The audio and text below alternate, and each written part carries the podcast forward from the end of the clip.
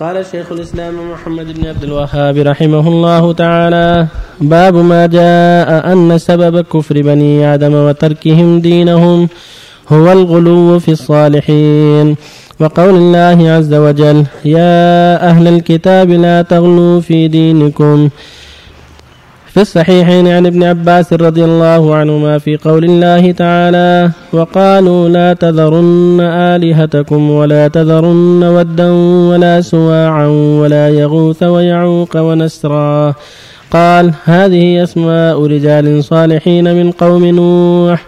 فلما هلكوا أوحى الشيطان إلى قومهم أن انصبوا إلى مجالسهم التي كانوا يجلسون فيها أنصابا وسموها بأسمائهم ففعلوا ولم تعبد حتى إذا هلك أولئك ونسي العلم عبدت.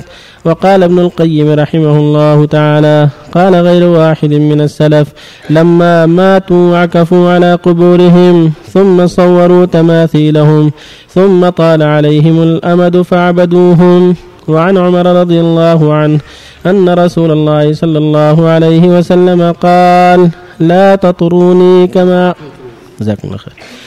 لا تطروني كما أطرت النصارى ابن مريم إنما أنا عبد فقولوا عبد الله ورسوله. أخرجاه قال قال رسول الله صلى الله عليه وسلم إياكم والغلو فإنما أهلك من كان قبلكم الغلو. ولمسلم عن ابن مسعود رضي الله عنه أن رسول الله صلى الله عليه وسلم قال هلك المتنطعون. قالها ثلاثا. بسم الله الرحمن الرحيم. الحمد لله وصلى الله وسلم على رسول الله. وعلى آله وأصحابه من اهتدى به. أما بعد يقول المؤلف رحمه الله هو أبو عبد الله شيخ الإسلام في زمانه والمجدد من درس من معالم الإسلام في وقته. في النصف الثاني من القرن الثاني عشر الهجري. وهو الشيخ الإمام محمد بن عبد الوهاب رحمه الله المتوفى سنة ست ومائتين وألف من الهجرة النبوية. يقول رحمه الله باب ما جاء أن سبب كفر بني آدم وتركهم دينهم هو الغلو في الصالحين. يعني فاحذروا أيها الناس من الغلو الذي هلك به من قبلكم. الغلو هو تجاوز الحد في المحبة. يقال غلا غلت القدر إذا ارتفع الماء بسبب النار اللي تحتها. فالغالي زاد في الحب حتى عبد محبوبه من دون الله. قال الله تعالى يا أهل الكتاب لا تغلوا في دينكم. يعني لا تجاوزوا الحدود إلزموا الحد الشرعي في المحبة. محبة الأنبياء والصالحين بالتأسي بهم والسير على منهاجهم والعمل بما أمروا به لا بالغلو فيهم لا بعبادتهم من دون الله. ولكن محبة الصالحين بسلوك مسلكهم الطيب ومحبة الأنبياء بامتثال أوامرهم وترك نواهيهم. أما العبادة فحق الله وحده ليس, ليس لأحد يصرفها لغيره كائنا من كان. قال تعالى ذلك بأن الله هو الحق وأن ما يدعون من دونه هو الباطل. قال تعالى وإلهكم إله واحد لا إله إلا هو الرحمن الرحيم. قال سبحانه وقضى ربك ألا تعبدوا إلا إياه. قال سبحانه وما أمروا إلا ليعبدوا الله مخلصين له الدين بعد والنهي لأهل الكتاب نهي لنا أيضا من باب أولى. إذا كان أهل الكتاب ينهون عن ذلك فكذلك نحن نهى عن الغلو في ديننا وهو تجاوز الحد فيما شرعه الله. فالغلو في محبة الأنبياء يفضي إلى عبادته من دون الله. والغلو في محبة الصالحين كذا يفضي إلى عبادته من دون الله. والغلو في الأوامر يفضي إلى الزيادة والبدعة.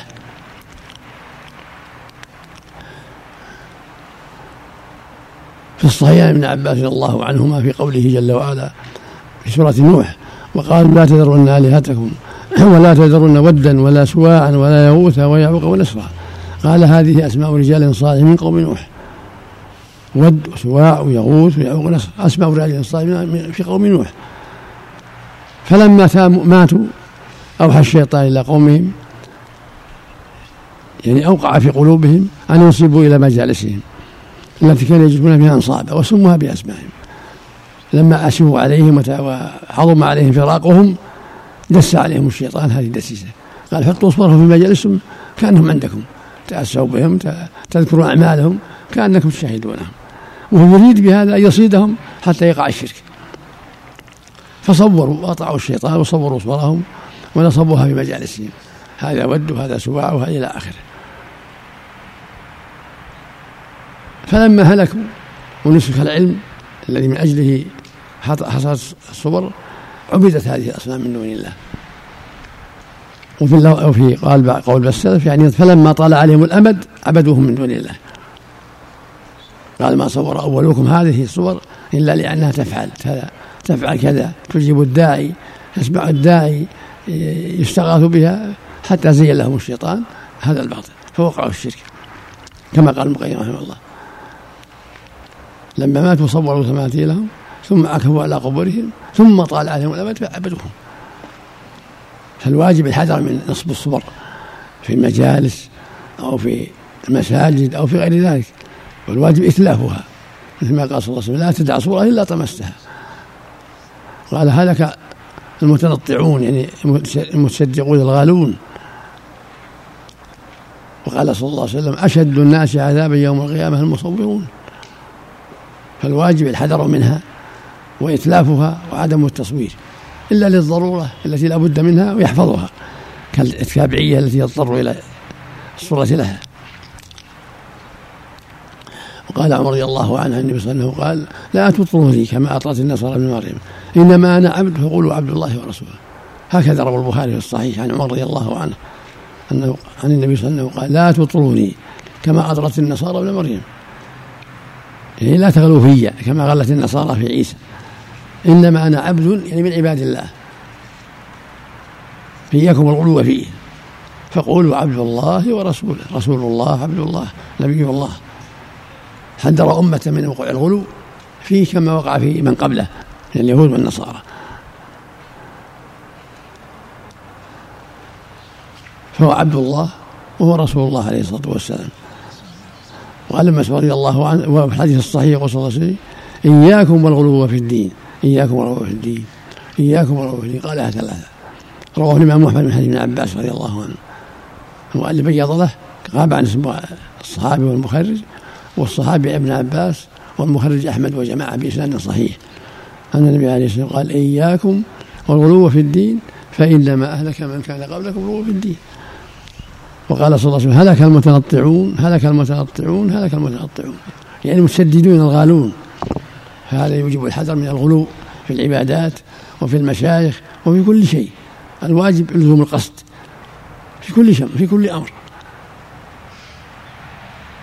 في المحبة وفي غير ذلك. يلزم القصد وعدم التكلف. فالغالي مبتدع والمقصر جافي عاصي والواجب الوسط. محبة المؤمنين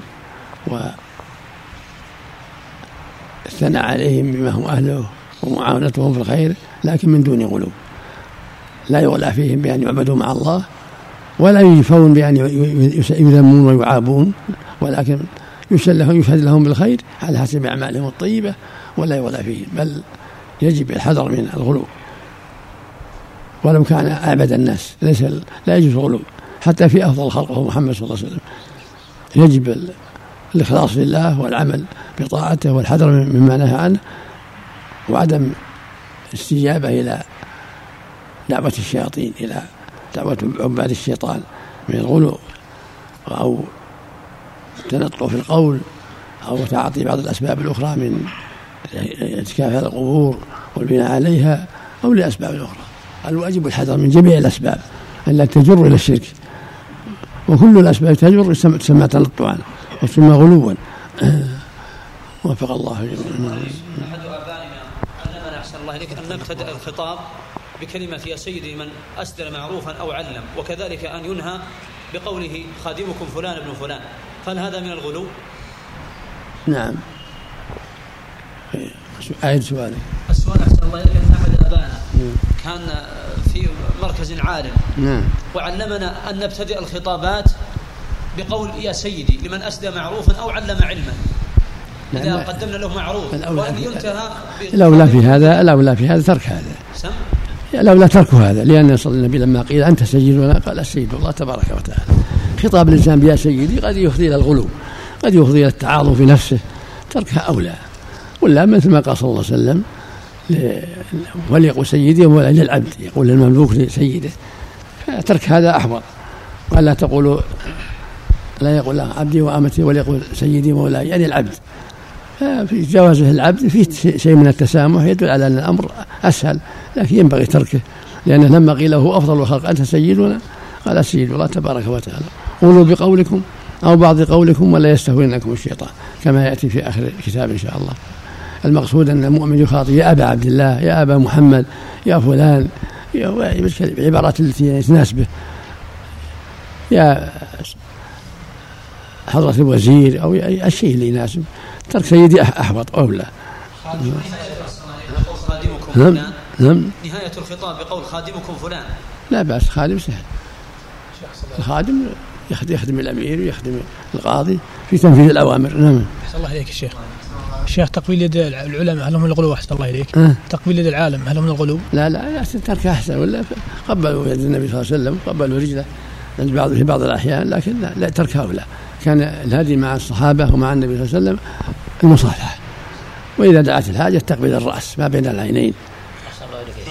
قال يقول أنس رضي الله عنه كان أصحاب النبي إذا تقابلوا تصافحوا. وإذا قدموا انسفت تعانقوا. أحسن الله إليك بالنسبة للذين صوروا صور الصالحين الذين صوروا صور الصالحين قوم نوح هل في شريعتهم الصور عندهم غير محرمة؟ شريعة الأنبياء لغير النبي صلى الله عليه وسلم؟ ما ما ما يعني لكنها صارت بسبب وقوع الشرك صارت وقع أما كونها شريعتهم جائزة الله أعلم. لكن مقتضى ذم يقتضى ذم الله لهم نعم. أنها غير جائزة. ذمهم على هذا ولا ترون لا يقتضي أنها ممنوعة في حقهم ولهذا ذموا عليها. نعم. حكم الصلاة أحسن رأيك في المكان الذي به صورة معلقة أو تلفاز مشغل؟ عند الحاجة تصح لكن تركها ولا إذا كان منها حاجة لا يصلي في المحل هذا. أما إذا كان دعت الحاجة مثل ما رخص عمر في الصلاة في كنائسه من الحاجة إذا دعت الحاجة إلى محل يصلي فيه لا بأس إن شاء الله. مثل إنسان حضرته الصلاة في محل فيه صورة ولا يمكن الخروج منه أو مثل إنسان مريض في المحل الذي فيه صورة ما له حيلة يعني شيء الذي تدعو له الضرورة ولا في الأولى والأفضل الخروج عن التشبه بالنصارى واليهود. أحسن عليك المعانقة نعم نعم. الاحتياط عليك نعم. بعد عن التشبه بأعداء الله. بعد عن التشبه بعباد الأصنام. الذين الذين يعتنقون التلفاز بعضهم يشغلونه ولا يبالون عنها. إن كان إنسان في مثل هذه الحالة عنده قرابة معهم هل يزورهم؟ آه، أم يقاطعهم؟ إذا كان ما يسمع نصيحته. التلفاز في تفصيل الذي ما يسمع إلا الطيب ولا يرى إلا الطيب أمر سهل إذا كان عاقل وفاهم. ولا هو وسيلة إلى شر. الذي يطلقه بدون ما يميز يطلق كل ينصح ينصح يوجه, يوجه إلى الخير لأن يعني فيه بعض المشاهدات تضره. إذا رفض واذا إذا رفضوا عندك علاقة به علاقه علاقة رحم هل تزوره أم تقف منه؟ إذا رفض يسمع نصيحتك. والله ترك احوال أو ترك احوال اذا كان يشاهد المعاصي يشاهد الشيء المنكر. نعم.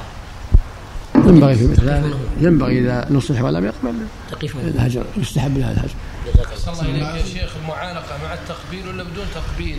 والمعانقة هل هي محكومة بس بقدوم المعانقة المعانقة لي الرأس مع الرأس. نعم. بدون تقبيل. هذا اللعنة المعانقة. والتقبيل شيء. كان فاطمة إذا دخلت على النبي صلى الله عليه وسلم قام إليها وقبلها وأخذ بيدها. وكانت إذا دخل عليها أبوها قامت إليه وقبلته وأخذت بيدها عليه الصلاة والسلام. سفر يا شيخ؟ هذا في بيت فاطمة مع أبيها. طيب في مثل هذه الحالة إذا كان هناك رجل عنده علم الإنسان يقدره ويحترمه هذا مصلحة. لكن المصلحة عدم التكلف أو لا؟ المصلحة التكفي إلا إذا قدم من سفر كما فعل الصحابة.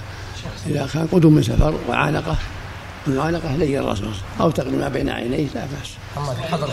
أما الحضر عدم التكلف أو لا المصلحة التكفي جزاك الله أحسن الله إليك يا شيخ. حكم تقبيل اليد. ترك هؤلاء. ترك هؤلاء. وقد قد فعله بعض الناس مع النبي صلى الله عليه وسلم. وبعض الأئمة يشدد فيه ولكن على كل حال تركه أولى. تركه أولى. يقول بعض بعض أهل العلم يسميه السجدة الصورة لكن تركها أولى. لا ينبغي التشديد ولا ينبغي التساهل. تركه أولى وبس. أحد يسأل يقول هل هل يجوز الإنسان يقبل أو يقبل قدمي والديه؟ لا صلاة التكبير أو أو تقبيل ما بين عينيه تقبيل ما بين عينيه رأسه. والذي فعل هذا؟ تركها تركها لا تركها ولا سبحانك اللهم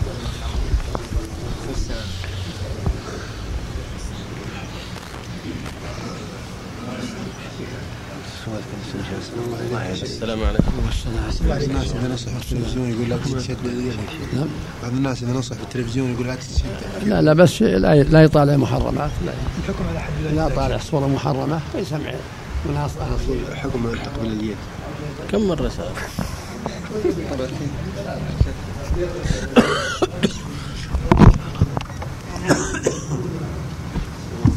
عليكم السلام. السلام عليكم.